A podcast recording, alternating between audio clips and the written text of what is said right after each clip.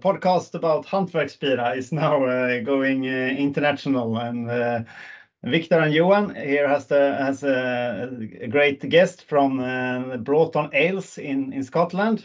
Welcome, David. Welcome. Thank you. Really nice to have you here. We got the contact with you through your uh, through the Swedish importer of your of your craft beer, Amka.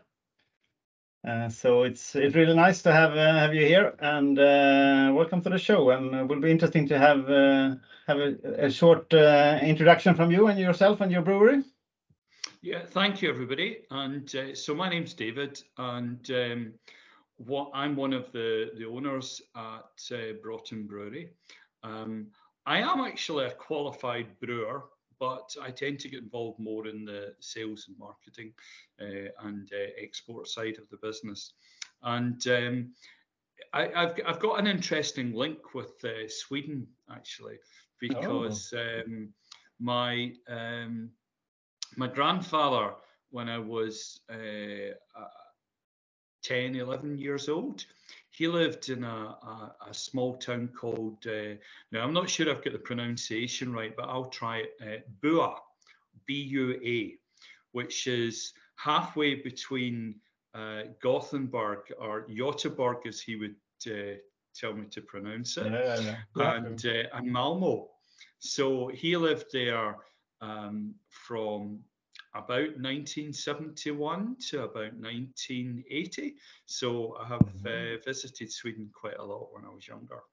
Yeah, it's quite fun that you mentioned mentioned that city as well because uh, it's quite close to where we live. And uh, Victor actually had a, a, a beer today where he normally we have like um, session not session IPAs, it's a little bit lower alcohol here in Sweden, 3.5 percent. Uh, and we normally do this challenge each uh, Tuesday where we take two different of those kind of beers and then people vote and the one that wins will sort of be tried out. And today was actually a beer from Bua. Yeah, uh, that, that won that test. So just before this meeting, and he just posted the uh, yeah right away, yeah, the, the Instagram story five minutes ago about that beer from Bua. So it's quite interesting that you sort of hit the same city.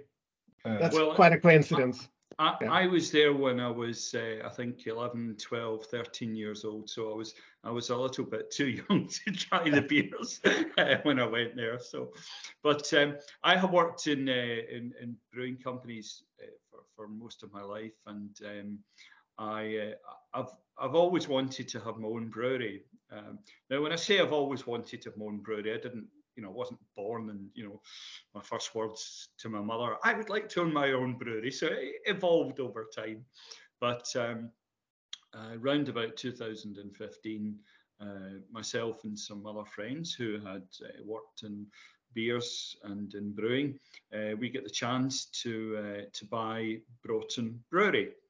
And Broughton has got a really interesting and very, very different uh, background to a lot of the breweries that are around just now. So the brewery was first founded in 1979.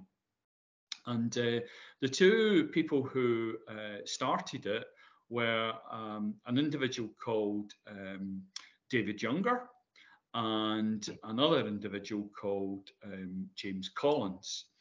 And both of them have an interesting story. So David Younger um, his family had been involved in brewing in Scotland since about the 1840s. So they originally started in a small town in Alloa, and then they moved to Edinburgh, and then they were taken over by a bigger group.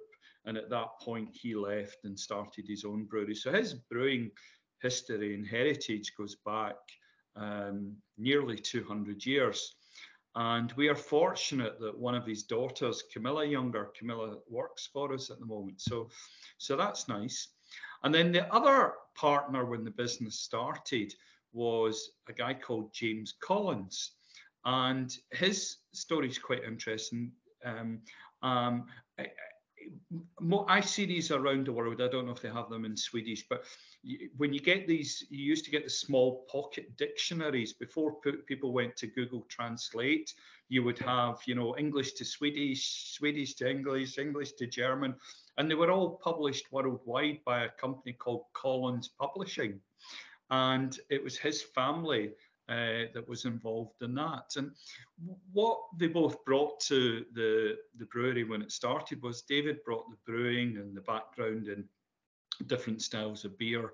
And um, uh, James brought the idea that they were from obviously publishing, so they brought the idea that every beer had to be a character and had to have its own story around it.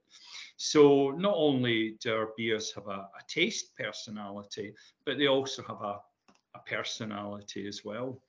Um, so we took over in um, 2015, and um, the the one of the interesting things was when the the the younger family started the brewery in um, 1979. At that time, there was lots of consolidation of big breweries. There was lots of closures. The number of breweries was getting less and less. So if you went back to the 1900s in Scotland, there were about 150 breweries across the country. If you fast forward to 1979, there were only a handful. So there were, I think there was about 14 or 15 at the time that Broughton opened. Um, in that respect, you know, when other breweries were closing, they they went against against the grain and they did something different. So I always like to think that we are the original brew punks because we were doing something very different from what was going on in the market at that time. And um, the the brewery has won lots and lots of awards over the years, um, and it's probably most famous for the darker Scottish style of beer. And um, if you know a little bit about the history of brewing uh, in the UK, because it's colder as you go further north, then Scotland was had um, the, the land in Scotland was good for producing barley, but it wasn't good for producing hops. Um, so you tend to find it with uh, beers from the southern parts of England. They have more hops in them, they have more bitterness in them. Whereas as you go north, because um, of transport and the other uh, economic challenges, then Scottish beers tend to have more of a sort of darker malt style base. Um, so even when we do IPAs and we've got some IPAs and we've got some lagers, they still have probably more of a malt flavour than mm-hmm. perhaps um, you know some of the the, the the, the say the Helles style that you, you get in other countries. Yeah. Um, so it's, um, it's, mainly like due to the location and the history. So you had more barley, less hops, and then you have uh, the water quality was a little bit harder as well, I guess, in the northern parts. That meant that you need to go with a little bit darker malts to uh, round off the salt salt balance in the water. Yes, very much so. And um, the one other interesting thing was, I think it was in um, 1835 that some brewers came over um, from Germany and they wanted to learn how to make beer for export because at that time um, most of the beer that was sold in Germany was just sold within uh, local vicinities. Um, and uh, the Scottish brewers were able to share some information with them. So the German brewers taught the Scottish brewers how to use uh, lager malts and lager hops to make lager style beers. And in turn, um, the Scottish brewers showed a little bit about uh, using more malts, but also using hops as a preservative so that you could then export the beer and it would stay stable. Um, so even going back, that was 1835, which is nearly uh, 200 years ago. Um, there was a little bit of uh, exchange of information about brewing styles. Yeah, but but does the um, like the if, if you take Scottish ales as the characteristic, do they still tend to fall into the same kind of style, like more malty, less hoppy, maybe a little bit darker? Yes, yes, they do. And they tend to be known um, under the, the terminology shilling. Um, and I'll maybe just explain that for, for, for the viewers and the listeners. So a, a shilling is a unit of currency that used to exist um, in the UK until uh, 1970. And um, what would happen was that a beer um, paid duty, so the the the the the alcohol what it, you would call it the alcohol duty but actually it was the duty on the malt which was linked to the amount of malt that you used in the brewing process um, and as a result of that um, beers in scotland particularly ales tended to be referred to by the, the shilling system so a 60 shilling would be a light uh, pale ale round about 3.2% a 70 shilling would be slightly darker, um, slightly maltier, very similar to an English bitter. That would be about 3.7, 3.8, 3.9. And then once you got to 4.2, 4.3, um, you would get into, as I said earlier, so our wee jock, um, we would refer to as an 80 shilling, so that's 4.2%. And an 80 shilling would typically be about 4.1 to 4.6. And then you had 90 shillings that were a bit stronger. So you might say that Highland Jock is probably a 90 shilling, and then it goes all the way up to 120 shillings. Um, and the boundaries get a little bit crossed. Um, and then you also have um, the there was a terminology used in Scotland, the word heavy, and it just meant a heavier, darker beer. So um, uh, a 70 or 80 shilling would sometimes have been known traditionally as a heavy. And if you got a stronger version of that, you would describe it as a wee heavy. Um, and the reason it was a wee heavy was obviously the colloquial Scottish word wee, meaning small, but it tended to be served in a smaller bottle. So it was a wee, as in small packaging size, heavy, as in strong. So it was almost, although it was a strong beer, it was called a wee heavy, if that makes sense. Yeah. So, um, but was it was still and, and the, like the shilling system was not involved in that naming? So you just the, the, the shilling system. Um, it, it, it, it was the what you would refer to um, you would use the terms interchangeably so um, you know, in Scotland, you would tend to call it a, call a beer a 70 shilling, whereas mm. you would call the same beer in England a bitter. Mm. And it was just, you know, different terminologies to, to um, or, yeah, different terminologies you to, describing the same thing. Yeah. And, and I saw on your bottle there, you still sort of use that as a reference, but is, is yeah. it still common that you do that, or is that just for like historical reasons that you try to brand something a little bit more based on no, the background you, of history? I, I think, um, you know, for us in particular, because we've got such a rich and strong brewing heritage, we think it's important that we tell people a little bit about the story of the beer. And uh, we, we are not the only brewers to do that. You know, there's obviously other ones that go down very, very different ways to describe their beer. But, you know, we, we um, very much see that, you know, being Scottish is, you know, part of the, the, the DNA of the product, and and as such, um, we want to to try and bring that story to life, and you know to let people enjoy our beer and get a bit of an understanding as to the background to it.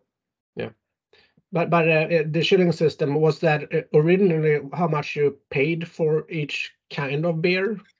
Yeah, yes, yes. It, it, it wasn't strictly like that, but it was in the respect that um, the the the amount that you paid for the beer tended to be linked to the alcoholic strength of the beer.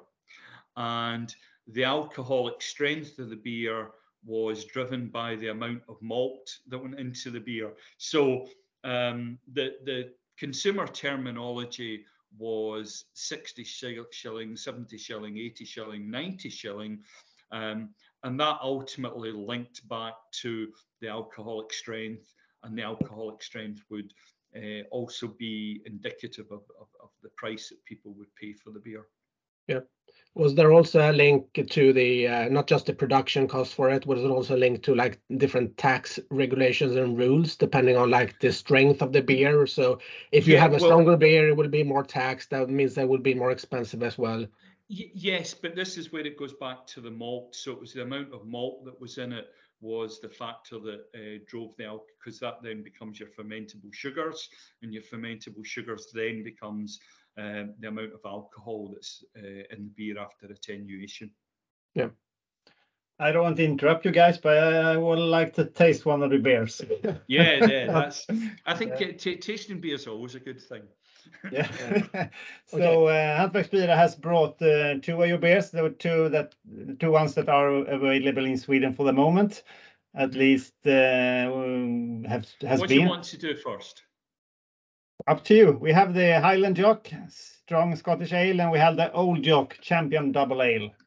Well, they- why don't we do the uh, why don't the, we do the champion double uh, one first? I, I've got um, some blank bottles here of it. I, I don't have a branded one, but why don't we do that and we can just Yep, talk yeah. our way through that. and I'll just Definitely. So that's five point point six ABV. So if you if you have um, uh, moved this into the shilling system, will it be like a ninety shilling? It would be like a ninety shilling, yes. And those like uh, I know uh, nowadays, I mean, uh, you can have beers like stouts that are very very strong, like 10, 11, 12 percent. I mean, what was Mhm. I, I guess in in when they set up the shilling system it was not a common or not even available to have those kind of strong beers. So uh, maybe they didn't have the system to cover uh, like that alcoholic strength beers. It's like 200 shilling beer. Yeah, the, the, the the highest I've ever heard of is 120 shilling beer, which is about seven and a half percent. Um, but um, obviously, in in parts of uh, uh, Scotland, and I'm sure it's the same in many different parts of the world, that historically um, people would drink beer because they couldn't drink the local water, so um, they drank beer instead of water. So, um, so I've got I've got one here. So, um, uh, cheers. Cheers. Yes. So uh, we just poured it up, and it's very it's very dark uh, beer, so to speak. Uh, it has a like thick foam, and uh, I, I almost think it's like smell uh, aroma like a- like a barrel barrel aged. a, a little bit. I mean, it has a caramel touch Really on the nice. flavor, a lot of m- maltiness in it, as you said. Not that much like um, hop uh, or um, uh, not that much ar- aroma from the. Um, So you've got a slight. You also have a slight uh, chocolatey taste Yeah. coming, um, and you also have um, a little bit of a, a sort of burnt roasted as well. So there's a little bit of, Mhm. of that as well. I I um, I know I'm biased, but I think this is one of the best beers that we produce. I think it's a fantastic beer. It's it's well balanced. Uh, it's it's not um, as you said. It's more malt driven. You you can tell that.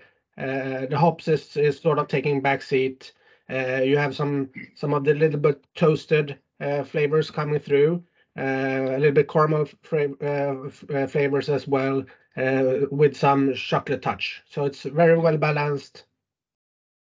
A great body as well, actually. Yeah, really great. So- So, so I'll, I'll tell you a little bit about the story behind this because it's very interesting. So, this beer I think was first brewed about 2006 and entered a competition for uh, in the UK. What, won, won a couple of competitions, and then it was stopped um, round about 2011, 2012. And I was chatting to our head brewer one day, and um, this would be about 2018, 2019. And we were standing uh, chatting about beer, and I said to him, So tell me a bit more about uh, the, the, the Champion Double Ale. Tell me the background to it. And I said, what, what, what does it taste like? And he told me about it. And um, I said, Well, if I was going to you know, try some. I said, I know you don't have any. How, how how could I get a beer that tastes similar? And he said, Well, take some of our stout. He said, and pour pour about forty percent into a glass, or pour about forty mils into a glass. He said, and then add about sixty mils of old jock. And he said, and if you do that, you'll have a product that's very very similar to Champion Double Ale. So I tried this with him and I thought, this beer is absolutely brilliant. We, we've, we've got to go and sell this. So I then said to him, I want you to go and brew that. And he said, who for? And I said, mm, I'll worry about that. you, you just brew it and I'll find some customers for it. And so we, we brought the beer back to life. And um, when we were chatting um, about a year or so ago to uh, and, and, putting forward products for Systembolaget, I just I, I, saw what they were looking for, and I thought we we've got to put this beer forward. It's an absolutely fantastic beer. Um, so I I really like it. You know, it's not um, it, by not that's not the, the type of beer I normally would drink day to day, but I just think that is such a great example of that style beer of beer. There's something just a bit unique and a bit different about it, and I, I really really like it. It's in my uh, top five beers of all time that I've ever tasted. And as I say, I know I'm biased, but uh, I'm unashamedly biased. yeah. So, but you said that so so the beer sort of started out 2006 or seven or something like that.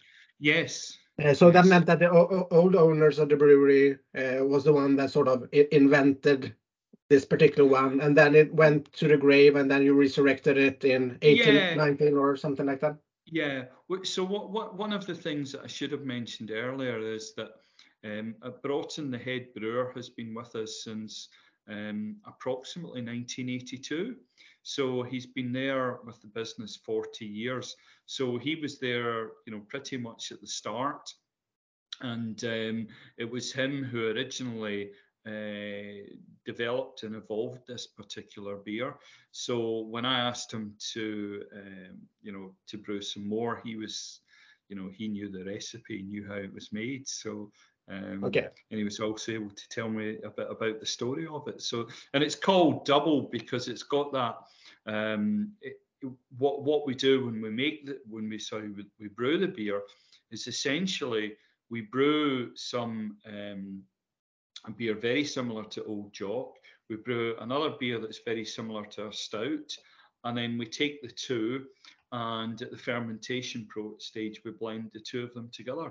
So it's effectively two different brews that are then put in the fermentation vessel, and uh, the, the um, that's how we get the champion double.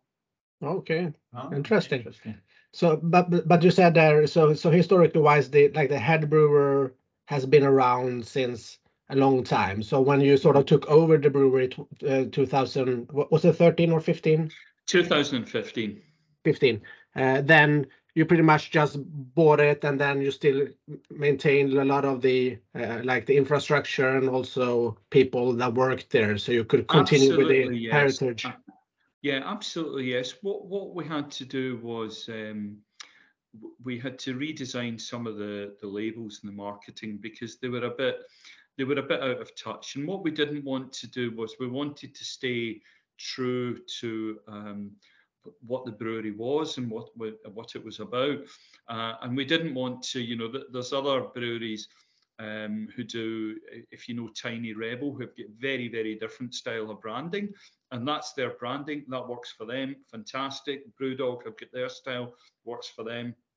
So, but we wanted to stay true to our origins and our history, and you know, cap- capture the the Scottish character. So um, so I, will tell you a little funny story here. So the the old jock character um, that you can see on here, mm-hmm. um, we gave him a bit of a, a, a celebrity makeover about four years ago, and we wanted just to make the character just a little bit more contemporary, a little bit modern, but also to stay true to his roots.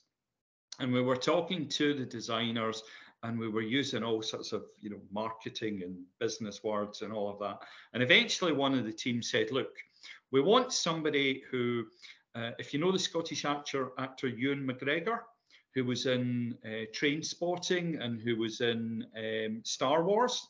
So he's i think you know about 40s and then you've got the other famous scottish actor sean connery who was James Bond and you know Yeah. various other characters. So we were kind of using all these marketing words, and eventually one of my colleagues just said, "Look, we want somebody that looks like a cross between Ewan McGregor and Sean Connery." So that's how we came to redesign the product and just made so. And I I think we've achieved that.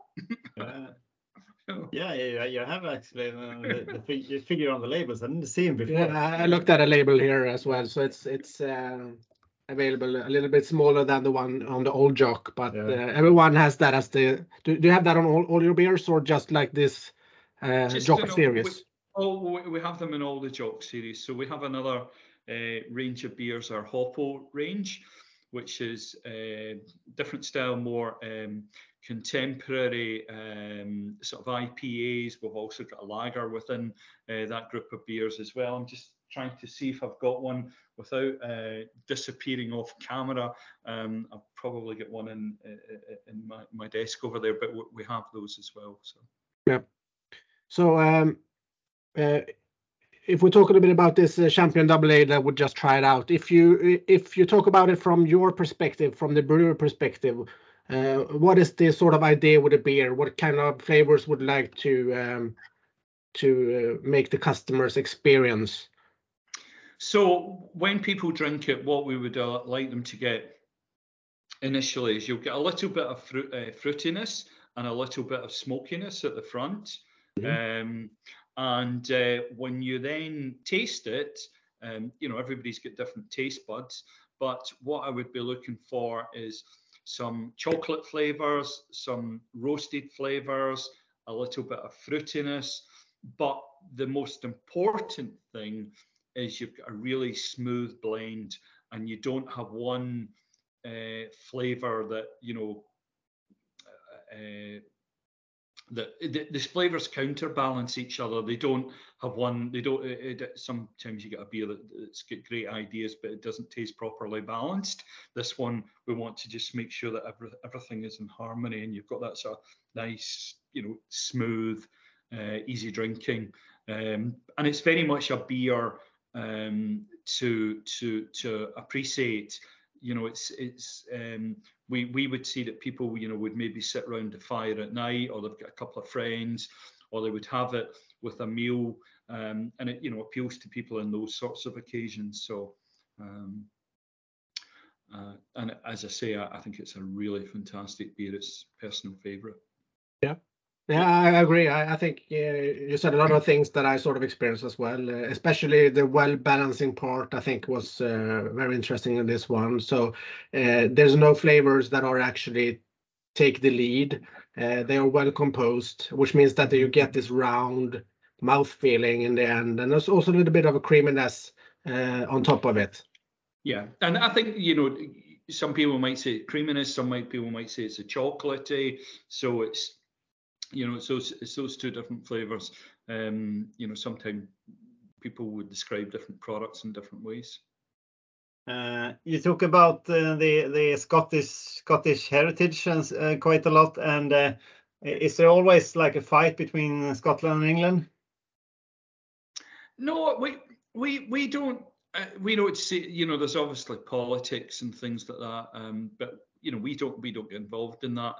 Um, for us, um, we find that there's a lot of people in England like our beers, particularly people who like um, things like uh, Theakston Peculier, if you're familiar with that, or Yeah. McEwen's Champion Ale, uh, or some of the variants of Hobgoblin.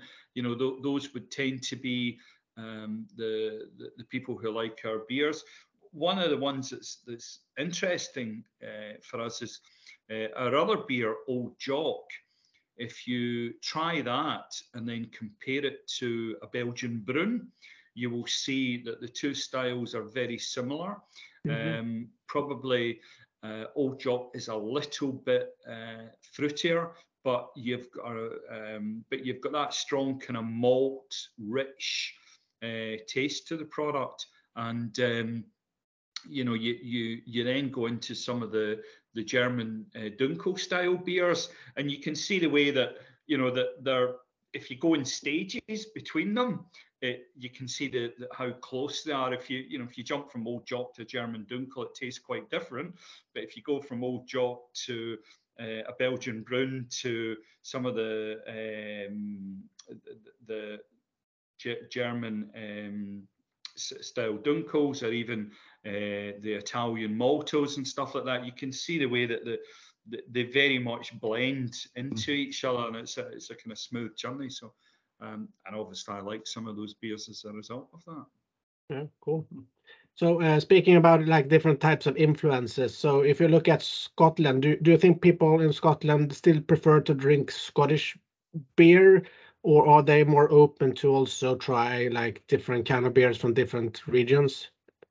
I think Scot like UK Scottish is one thing, but I mean, as you said, Belgium, Germany, another kind of uh, big beer uh, nations. I, I, think I think Scotland um, is very very receptive to um, beer from other countries. You know, you look at um, uh, Peroni's very popular in Scotland. Budweiser's very popular. So a mass market level, um, but also if you look at the um, the market share that craft beer has in Scotland, it's actually higher in Scotland than it is uh, in the rest of the UK. So Scotland and London tend to be uh, the two areas um, where uh, you know you, you get you know more people are more receptive to new styles of products and they, they used to always say within the drinks industry that if you were launching um, a new product in the market you would launch it in the central belt of scotland glasgow edinburgh you would launch it in london and then you would just gradually close the bits in between um, yeah. because mm. they, they were uh, brighton as well actually brighton london glasgow edinburgh were the cities where people, whether it was a spirit product, whether it was a, uh, a beer, um, but generally for alcohol uh, products, th those were the areas that people were most receptive to to trying new stuff and trying different things. Yeah, and also when it was uh, like uh, taking your beer down to London, uh, is uh, like Scottish beer having like a specific reputation down in London? compared to, I mean, there's a lot of competition there as well. I mean, there's a lot of craft brewing uh, coming in into London, both international and also from UK. And then you have the Scottish beers. Do you think you have sort of a, a good position there based on uh, history, relationships, uh, being yeah. like a, some mystic around the both the country and maybe the beer style as such? Yeah, I, I think um, because um, you know, Sc Scotland has got an overall good reputation for premium food and premium drink, and obviously that has helped enormously uh, by whiskey. And uh, we we see whiskey as uh, as a bit of a snowplow. You know that that's that's first, and you know part of our. Uh, you know, when we're chatting to people about Scottish beers, we'll say, "Well, you've tried Scottish whiskey. You know, you like those sort of, you know, malty, strong uh, taste you know now's the time to try a Scottish beer. So, um, but you know a lot of the uh, Scottish uh, beers that that go down to London tend to be more the sort of lighter IPAs, and you know we're very much focused on you know our, our niches uh, Broughton is, is is the stronger darker style beers and um, we find that um, you know, as I said earlier, where people like uh, cask beer, which is a bit of a British phenomena, or where they like, um, uh, you know, those stronger, darker Theakston's products like that, um, that our products tend to do very well when we let people try them. Yeah, yeah, I'm, I'm thinking in Sweden, it's it's almost like a like a, a wave of uh, people seeking for for the roots and the classic beer styles. I mean, uh, some of the a lot of us has bit, been a bit tired of all the haziness and all the sourness and so on, and want to go back to to the roots and, and the classic ones. And then your the British and Scottish and so on are, are really are really interesting. And of course, uh, like classic German pilsner and so on as well. Yeah. The the the, cre- the clean uh, tastes. Yeah. Well, one thing we find quite funny is um, when we go to beer festivals, um, we find that when you're there, if there's maybe a thousand people there, that people want to try all the new and the esoteric and the different style and the triple hopped and the you know the marshmallow toasted triple hopped IPA and they have um, you know a, a, half a pint or they you know of one then half a pint of the other. And then after that they just write okay yeah now I just want, want to go back to a proper beer. and uh, so when we go to beer festivals, we tend to stand for the first half hour. You know, is anybody going to come and speak to us? and then once once they've been and they've tried, some of the the the, the more uh, esoteric styles, then they come and they try our beers and they just stick with them. But you know, I I, I made a point earlier that um, there were, uh, if you go back to 19, uh, 1923, there were about 150 breweries in Scotland. If you fast forward to 1993, there were about 10, maybe 12. And now we're back up to um, about 150 breweries. And I think that's really, really good. And it doesn't matter whether I like the beer or whether you like the beer. It's about the fact that there's choice. It's about the fact that there's people are proud of what they do, that there's different styles. And, you know, we're not all drinking a golden coloured liquid and, you know, cheering on the Broncos. You know, there's just um, there's so much variety, and I think now you, you have a beer for everybody. And I um, I particularly like um, if I'm at a beer festival and somebody says to me, and you get this quite often, it tends to be women, and they'll say, I, I don't like beer. And you say, right, okay, so so what do you like? And we find that um, with women who like red wine, for example, we'll say to them, well, try Old Jock because it's got that richness and its fruitiness. And if they're used to drinking what red wine, they try to that's quite nice. And you can see and you feel, right, okay, that's me.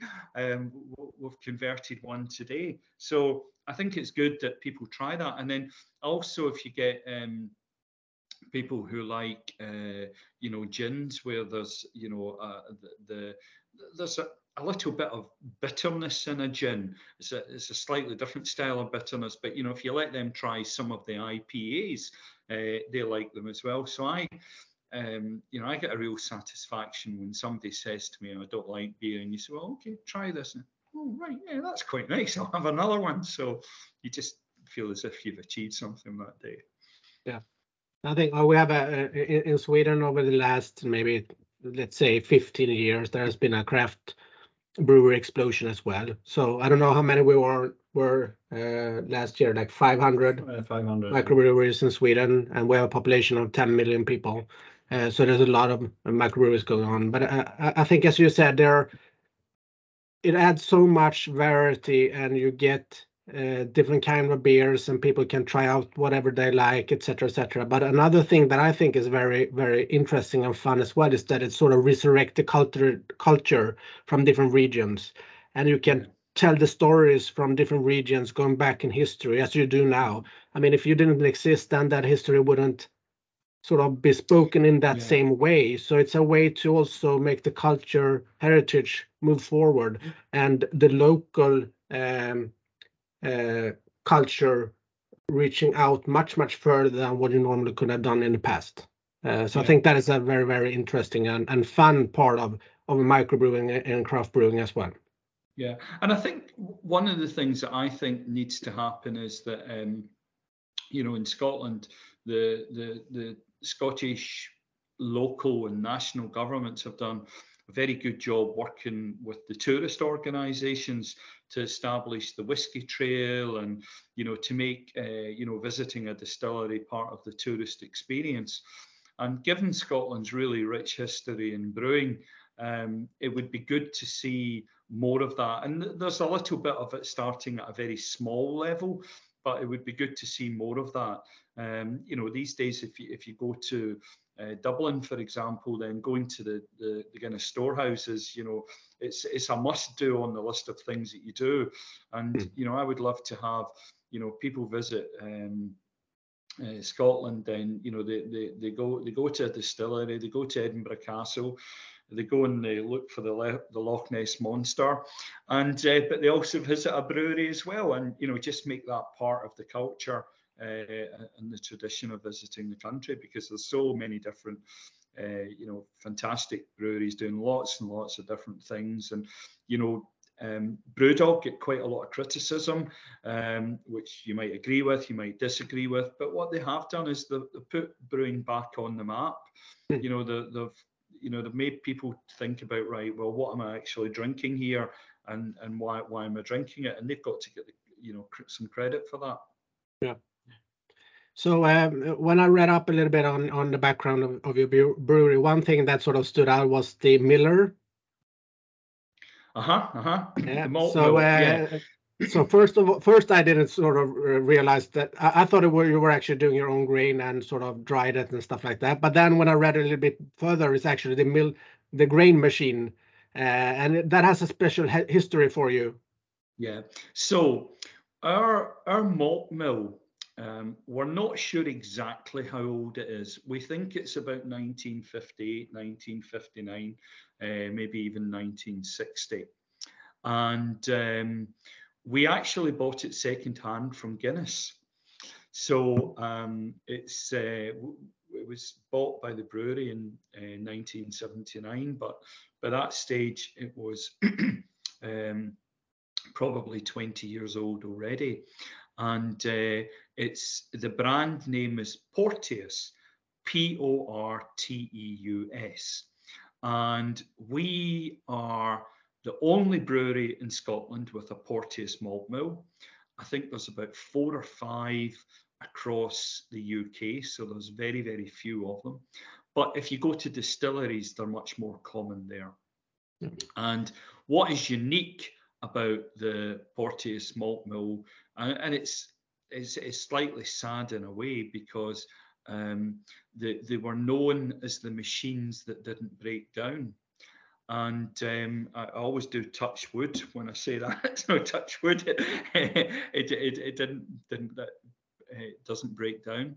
But um, what what is unique about it is that because the machines didn't break down, um, the company Porteus actually went out of business, unfortunately, in the 1980s. So, you know, the way that you have to replace your car or your television or whatever, well, you didn't have to replace your Porteus malt mill because it, it was just built in such a way that it was it was uh, it was solid and would last forever. So uh, we we get we have uh, our serviced uh, on a regular basis, and we just check the. Um, I can't remember the buzzword for it, but we we we check the uh, the wheels to make sure uh, the intensity with which they cut crush the grain so that they don't over or under crush it, um, because that influences the malt extract we get from the beer.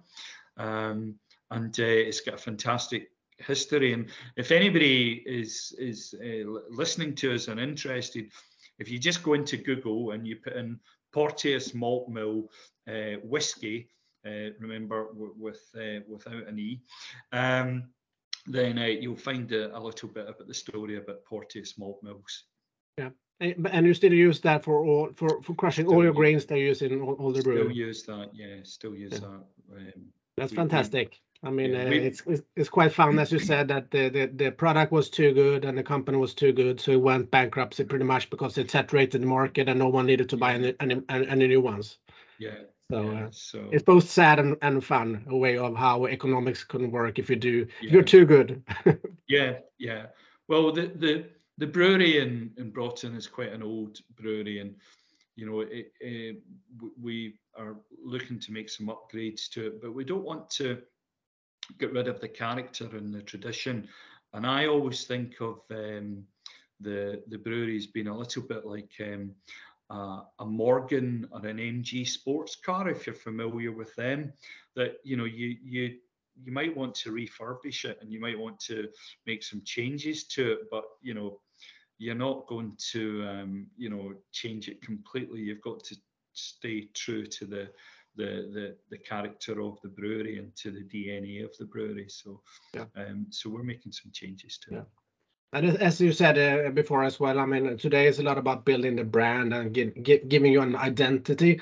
And part of having the heritage as first thing is is part of building that identity, but then also utilizing equipment that is old. Maybe it might be not the most efficient today compared to other things, maybe, but it will add to the story. It will add to the narrative that you actually build your brand based on history. Yes, and it's also yeah, it's so it's a it's a you know we've got so much unique history with the younger family um, with the Collins family, with the location, and um, also with the, the the style that um, the, the way that we brew our beers. You had uh, you had a uh, different um, way of uh, collecting some money some years ago. The the crowdfunding, the uh, yeah. Save the Brewery crowd crowdfunding. Yeah, so this is so we, we did this during uh, lockdown, and um, uh, you know, obviously worldwide, you know, suddenly just our economies just stopped overnight. So we had some crowdfunding initiatives, but we had a lovely story. Um, and this story happened on a Monday in August.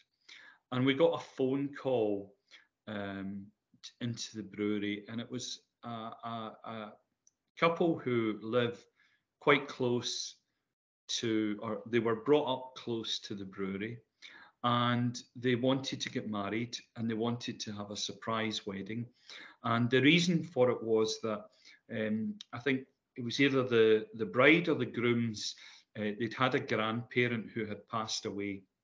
And there was another grandparent who wasn't very well.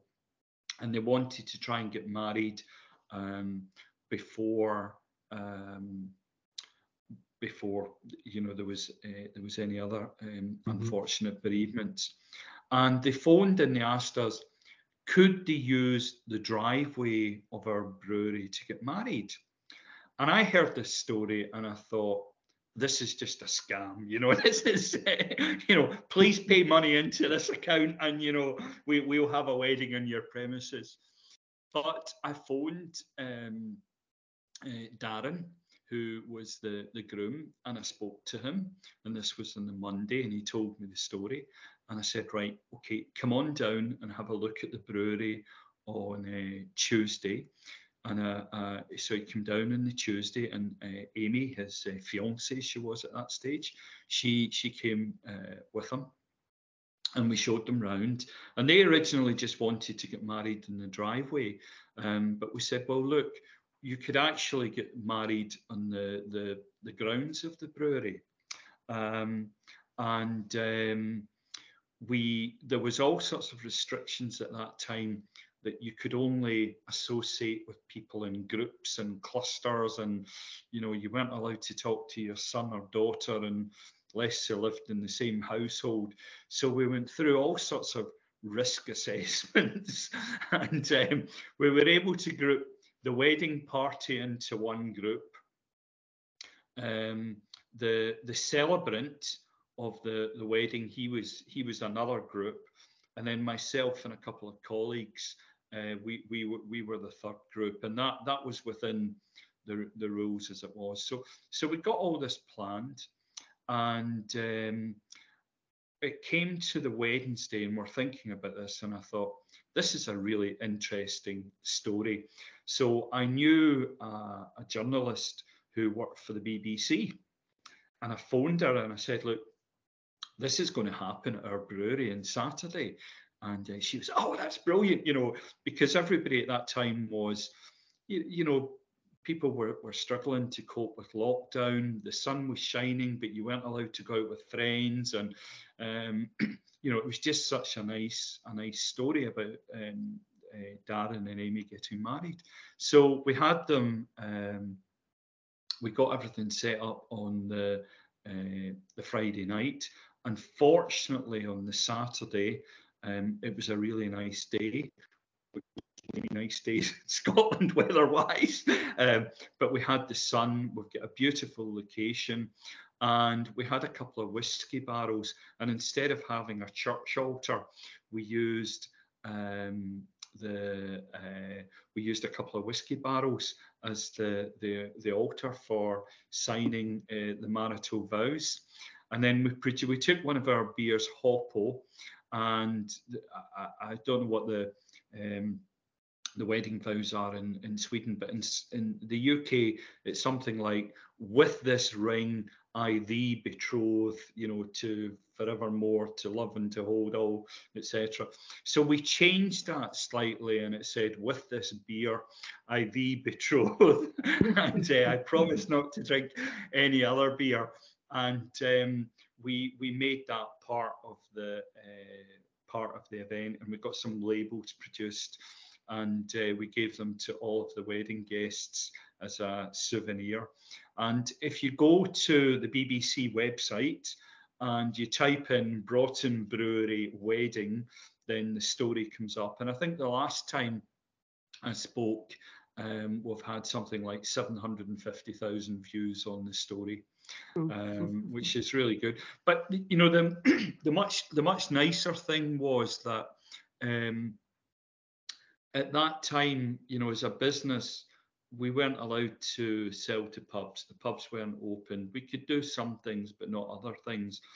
And just everybody that worked in our brewery gets such a lift out of the, the story. So it was just fantastic for the people in the brewery. You know, you could see this, they had a smile on their face because, you know, it was a lovely romantic story. And um, I, I, I do hope that one day um, that you know somebody from one of the Hollywood film studios is going to read about this story and come back. And uh, you know, I, I I'm quite happy if Tom Cruise wants to play my part. Yeah. Um, but uh, but it's, it's just a it was a lovely lovely story, and it was so nice. It was so inspiring. And uh, as I say, it would make a great Hollywood blockbuster. So yeah. um, yeah, sounds fantastic. So, um, should we move along to the next beer, maybe? Yes, yes. So, shall we we we uh, go to the Highland Jock and and try yep. one of those? Yep. Um, so you have a Highland Jock Strong Scottish Ale. So it's yes. 5.9 ABV. Yeah. So if we if you talk a little bit about that beer, the background and yeah, I'm just going to, um, I'm just in the process of pouring myself some and uh, trying to make sure that I don't spill it over my computer whilst I'm doing so. Um, so, so um, this particular beer is, you know, I've talked earlier about the styles of beer that uh, come out of our brewery in terms of um, stronger, darker style beers. And uh, this one is um, uh, a little bit fruitier, um, just a little bit uh, more malty than the one that we've tried previously, the Champion Double Ale. And I think one of the things that I particularly like about this beer is although it's 5.9% and it's got a really nice body to it, it doesn't feel as if it's it's excessively strong. You know, it, it feels as if it's maybe about four eight, four nine. Um, so it's, it's it's very easy to drink, very smooth, and um, yeah, really beautiful beer as well. Yeah, it's really really nice uh, off white head. Yeah. Yeah. It's the same with this one as the previous one. I think it's it's it's it feels quite balanced, but as you said, there's a little bit more, fr more fruitiness to it, and you might sense a little bit more, little bit more sweetness yes, maybe yeah, to it as well. Yes, yes, you'll get a little bit of sweetness in the aftertaste. So you get a little bit of initially, you've got a slightly malty, slightly uh, fruity at the front of the palate, and also in the nose and then you just get a little depending on uh, the layout of your tongue but you should get the sweetness in the sort of back left side of your uh, of, your, of your tongue when you're swallowing it.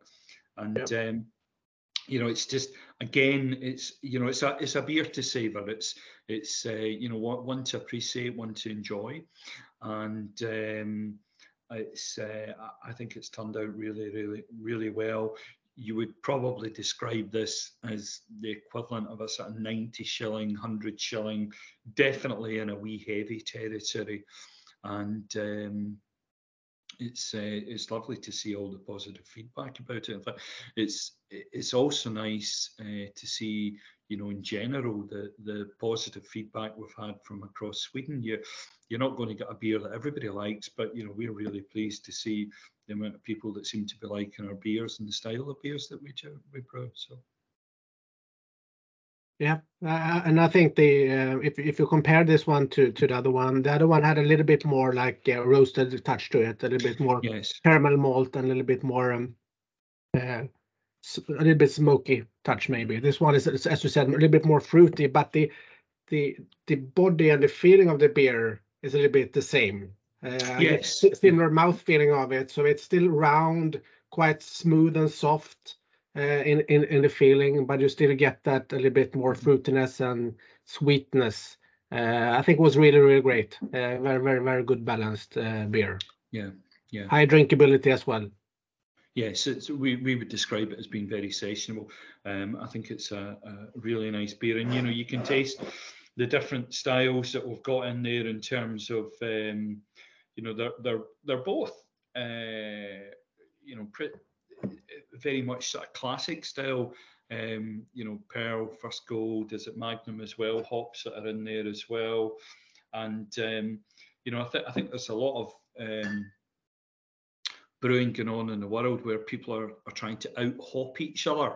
Um, but actually, you know, if you take some of the the more classic style uh, hops, you know, there are still some fantastic beers that you can produce out of those.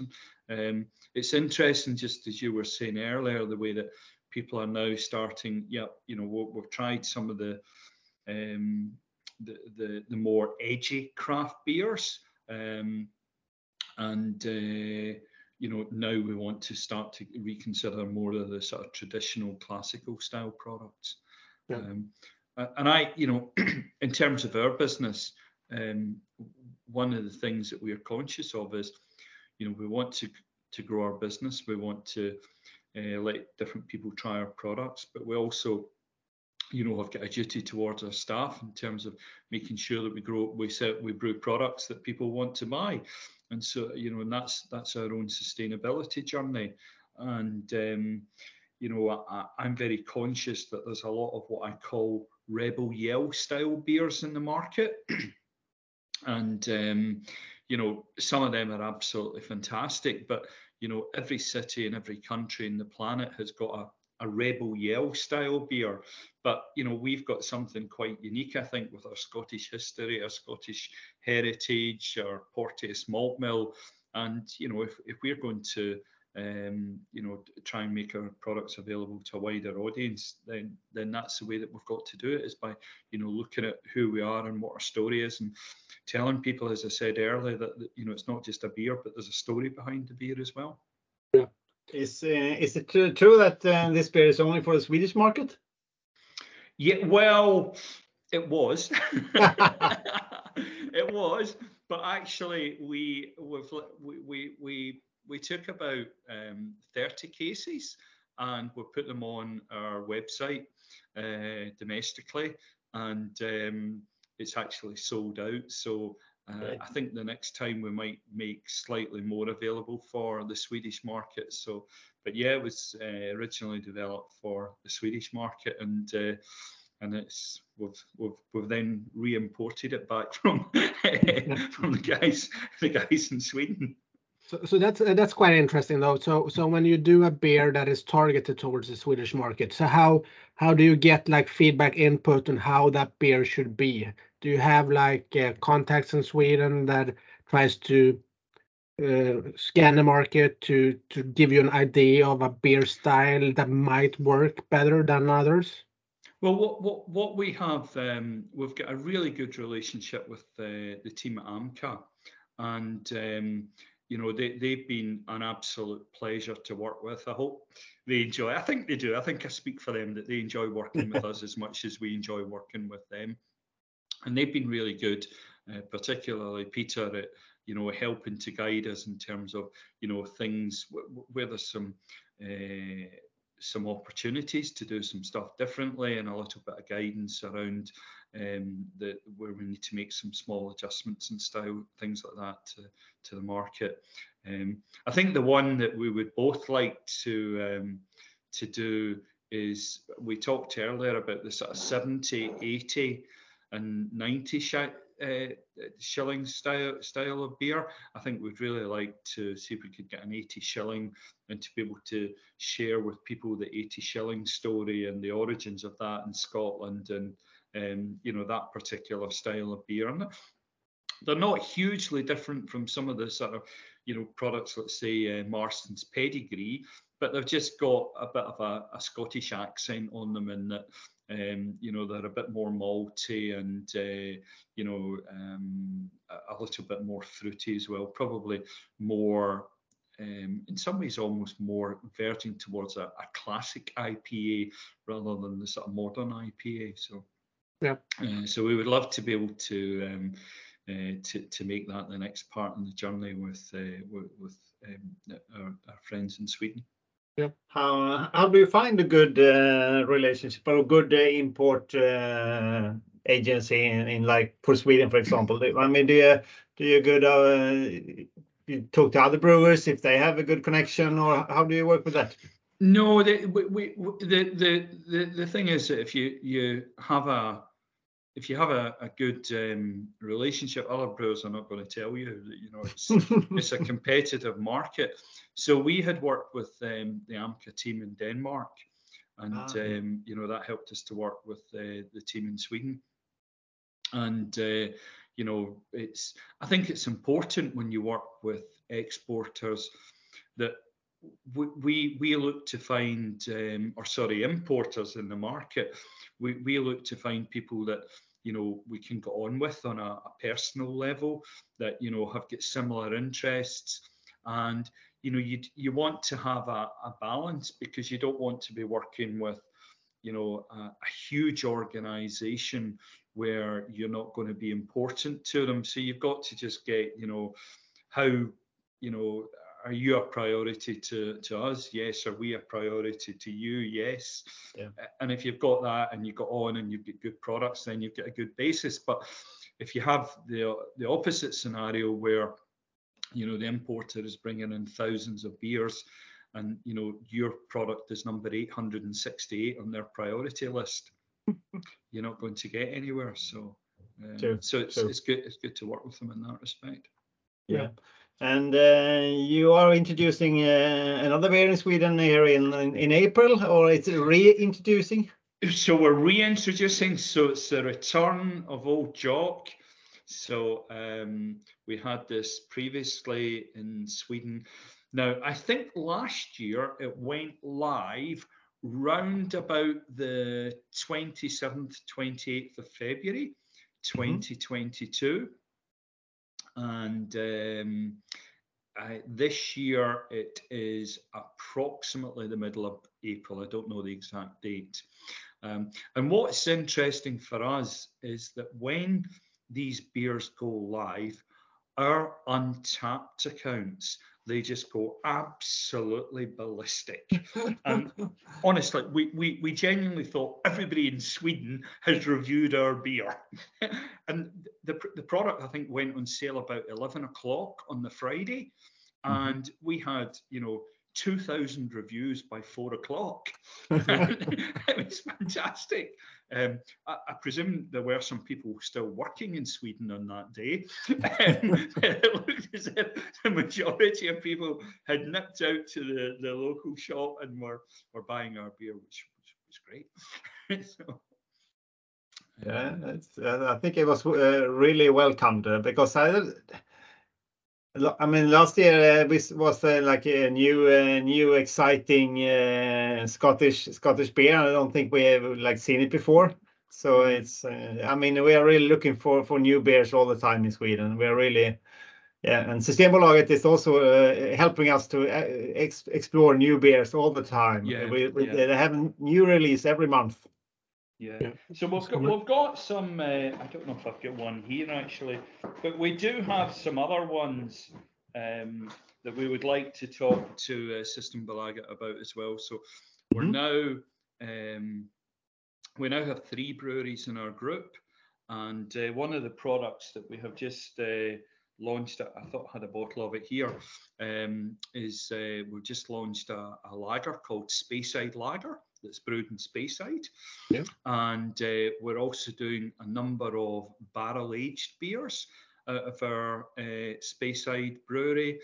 And then, so there, there's three breweries. There's the Broughton Brewery that was uh, uh, the one I was originally involved with, and then we um, we merged so that we're now three small breweries. I think we've got about 25 people working our uh, organisation, so we're still a very small organisation. So we've got a brewery up in in Speyside, the Spey Valley Brewery, and um, they do a lot of really nice um, barrel aged ones.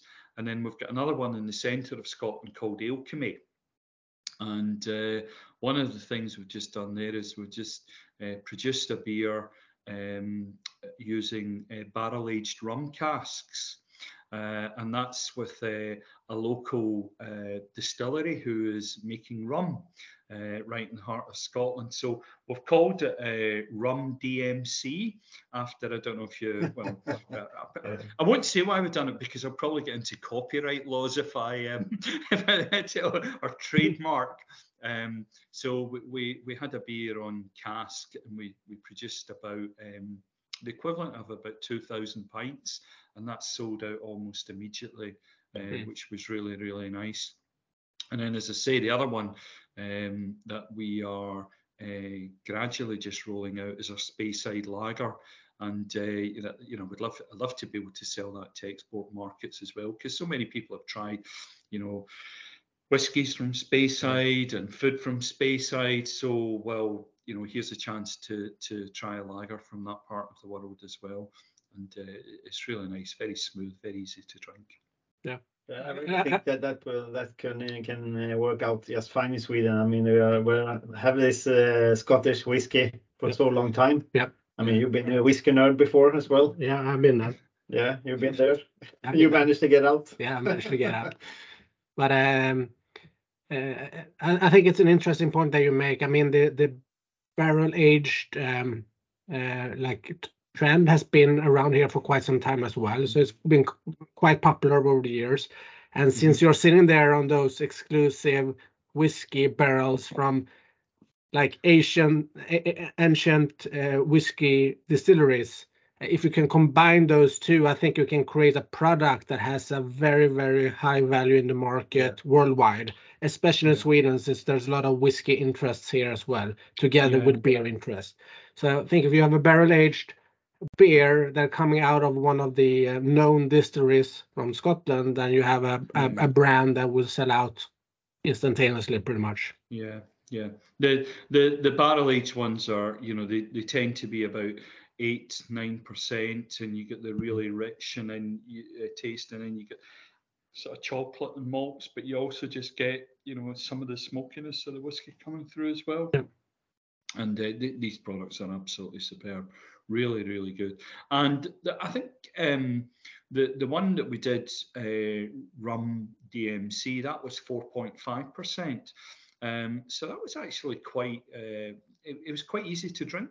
You know just the the rum cask just gave it a little bit of sweetness right at the end you know we I, I'm not sure how others would de- describe it. I think there's a sweet. I think I think it's a sugar cane and rum that you just get a little bit of sweetness right at the end from, and uh, so so this came through in the beer. It was absolutely fantastic. Yeah, really good. Yeah, was it? Or, do you have anything more on no, your little, I have a lot of things on my, my note, but uh, your uh, notepad, yes. But uh, if, if, we talk about so so uh, the beers that that currently are available here in Sweden is the uh, these two that we have uh, tried out. Uh, so if you would say uh, for starters, trying to explore your brewery, which one do you think should be the one to go with first of these two that we tried out now? Well, I'm going to be slightly biased because I think the champion double is is just about sold out now. So I don't want to direct people to a product that's sold out. So I would suggest, you know, have a try at the the, the Highland Jock, and uh, you know, it's just it's it's a nice. Um, uh, it's a beer that's very, very typical of of uh, our, our style of brewing, and um, you know it, it, gives a great introduction to our products. Yeah, and and, uh, and then you said Old Jock will come in in April. Uh, Old Jock will come in April, yeah. yeah. Will that also be like a typical beer coming out from your brewery? Like uh, this is how you sort of envision Scottish ales to be uh, yeah, well, experienced. Old, Old Jock is our is our best selling product, and um, it's now the number four bottled ale in Scotland. So um, and it's got a really loyal um, consumer audience. Um, and uh, since we we made some uh, changes to the design, and uh, during lockdown, um, the number of people who uh, you know started to buy it uh, on a regular basis was has been really really encouraging, and um, so it's it's growing all the time. We are selling it now to um, Italy, to Sweden, to France, to Germany, and um, we are also selling it more and more in England as well. So about 95% of our sales in the UK are in Scotland, but increasingly people in England are trying the beer as well. And it, had been available there historically, but the, the, supply chain wasn't particularly good. Now we've got the supply chain sorted. Uh, so we're looking to see more and more shops are expressing an interest in uh, in taking the beer into um, into stores, particularly north of England and in areas where you've got that strong sort of local sort of dark style beer where people like those style of products. And I also know that you, you talked a little bit about that you have been uh, like merged with a, a, a couple of uh, smaller uh, breweries. Uh, mm-hmm. They come in with some new products. So if you go to your website and look a little bit on your uh, on, on, on your shop, you will see both these cl- classical like Scottish ales, but you also find some IPAs and like more modern double IPAs as well. Are those mainly coming in from those merged breweries that you collaborate with, or is that like product uh, development that you have done on your side as well? It's, it's, it's, a, it's a little bit of both. So the the Hoppo 6.2 beer is uh, um, a, a, really interesting one. So that's one that came from the Broughton family, and it's a 6.2, and it's a classic style IPA, so it's quite malty. Um, but it's also got the fruitiness of an IPA. And um, we've then got Hoppo Lager as well. And if you then look at, we have um, Charisma, we have Ritual, um, and those come from our Alechemy Brewery. They they are, um, I don't know. You might you might describe them as more edgy craft, uh, but still very drinkable uh, craft style beers. And then from our Spey Valley Brewery, um, we of course have got Speyside Lager, uh, which is on our website. And um, we also have uh, some really interesting IPAs um, including uh, Sunshine and Keith, uh, which I don't know if you know the song Sunshine and Leith is a big sort of song, very popular in Scotland. And so it's a bit of a play on it because Keith is uh, a, a, small town. So we have that. Uh, and then we also have our barrel aged products uh, that are on there as well. And we're gradually introducing more barrel aged products over the next few months on there. So we've got a real range of beers to suit. Um, you know, I said earlier that I, always like the challenge of trying to convince somebody who doesn't like beer that actually there's a beer for them. So, you know, yeah. we've got everything from, uh, you know, 12% barrel aged and Norwegian woods, uh, strong Scottish ales through to 4%, you know, uh, Pilsner, almost Helles style lagers as well. Yeah. Yeah, great. That sounds fantastic, and uh, I, I, really look forward to getting in my hands on some of the barrel aged uh, beers going forward. So if you can get them over here to Sweden, I think that would be uh, uh highly welcome by, by a lot of people around here that are that are quite genuine interested in, in beers and and especially yeah. like traditional beers, but having a little bit twist. And if you can tie that into like the the whiskey. Um, culture from Scotland, I think you will have a product that will work well, yeah, very well so here. Yeah, I think so as well. I think so well, as well. So I think we should uh, wrap up here. And uh, David, it was really, really nice to uh, to have a chat with you. likewise, and likewise. So, uh, and hopefully you will uh, you will still uh, continue to have a good relationship with Amka, so we can have uh, more of your beers over here. Yeah. I, I, I listen. You, you, you guys keep sending over sort of uh, Henrik Larsson and Mikael Lustig, and we'll keep sending you beer in return. So there's a, a fair swap if you're a sports fan. Sounds sounds great. Yeah. Sounds great. Fantastic. And, and next time we visit Scotland, we will take a trip by your brewery. uh, yes, yes, please do, please do that. Yeah. That, that would be fantastic. To do a little bit more close up and uh, inspect the Miller to see how good it really is. Yeah, yeah, that would be brilliant. Okay. Thank you. Okay, David. Uh, have a great evening, and uh, we stay in touch. Thank you. Thanks, guys, and thank you to everybody for who's watching and listening. Yeah. Thank Take you. care. Bye bye. Cheers. Bye bye. Bye bye. Bye.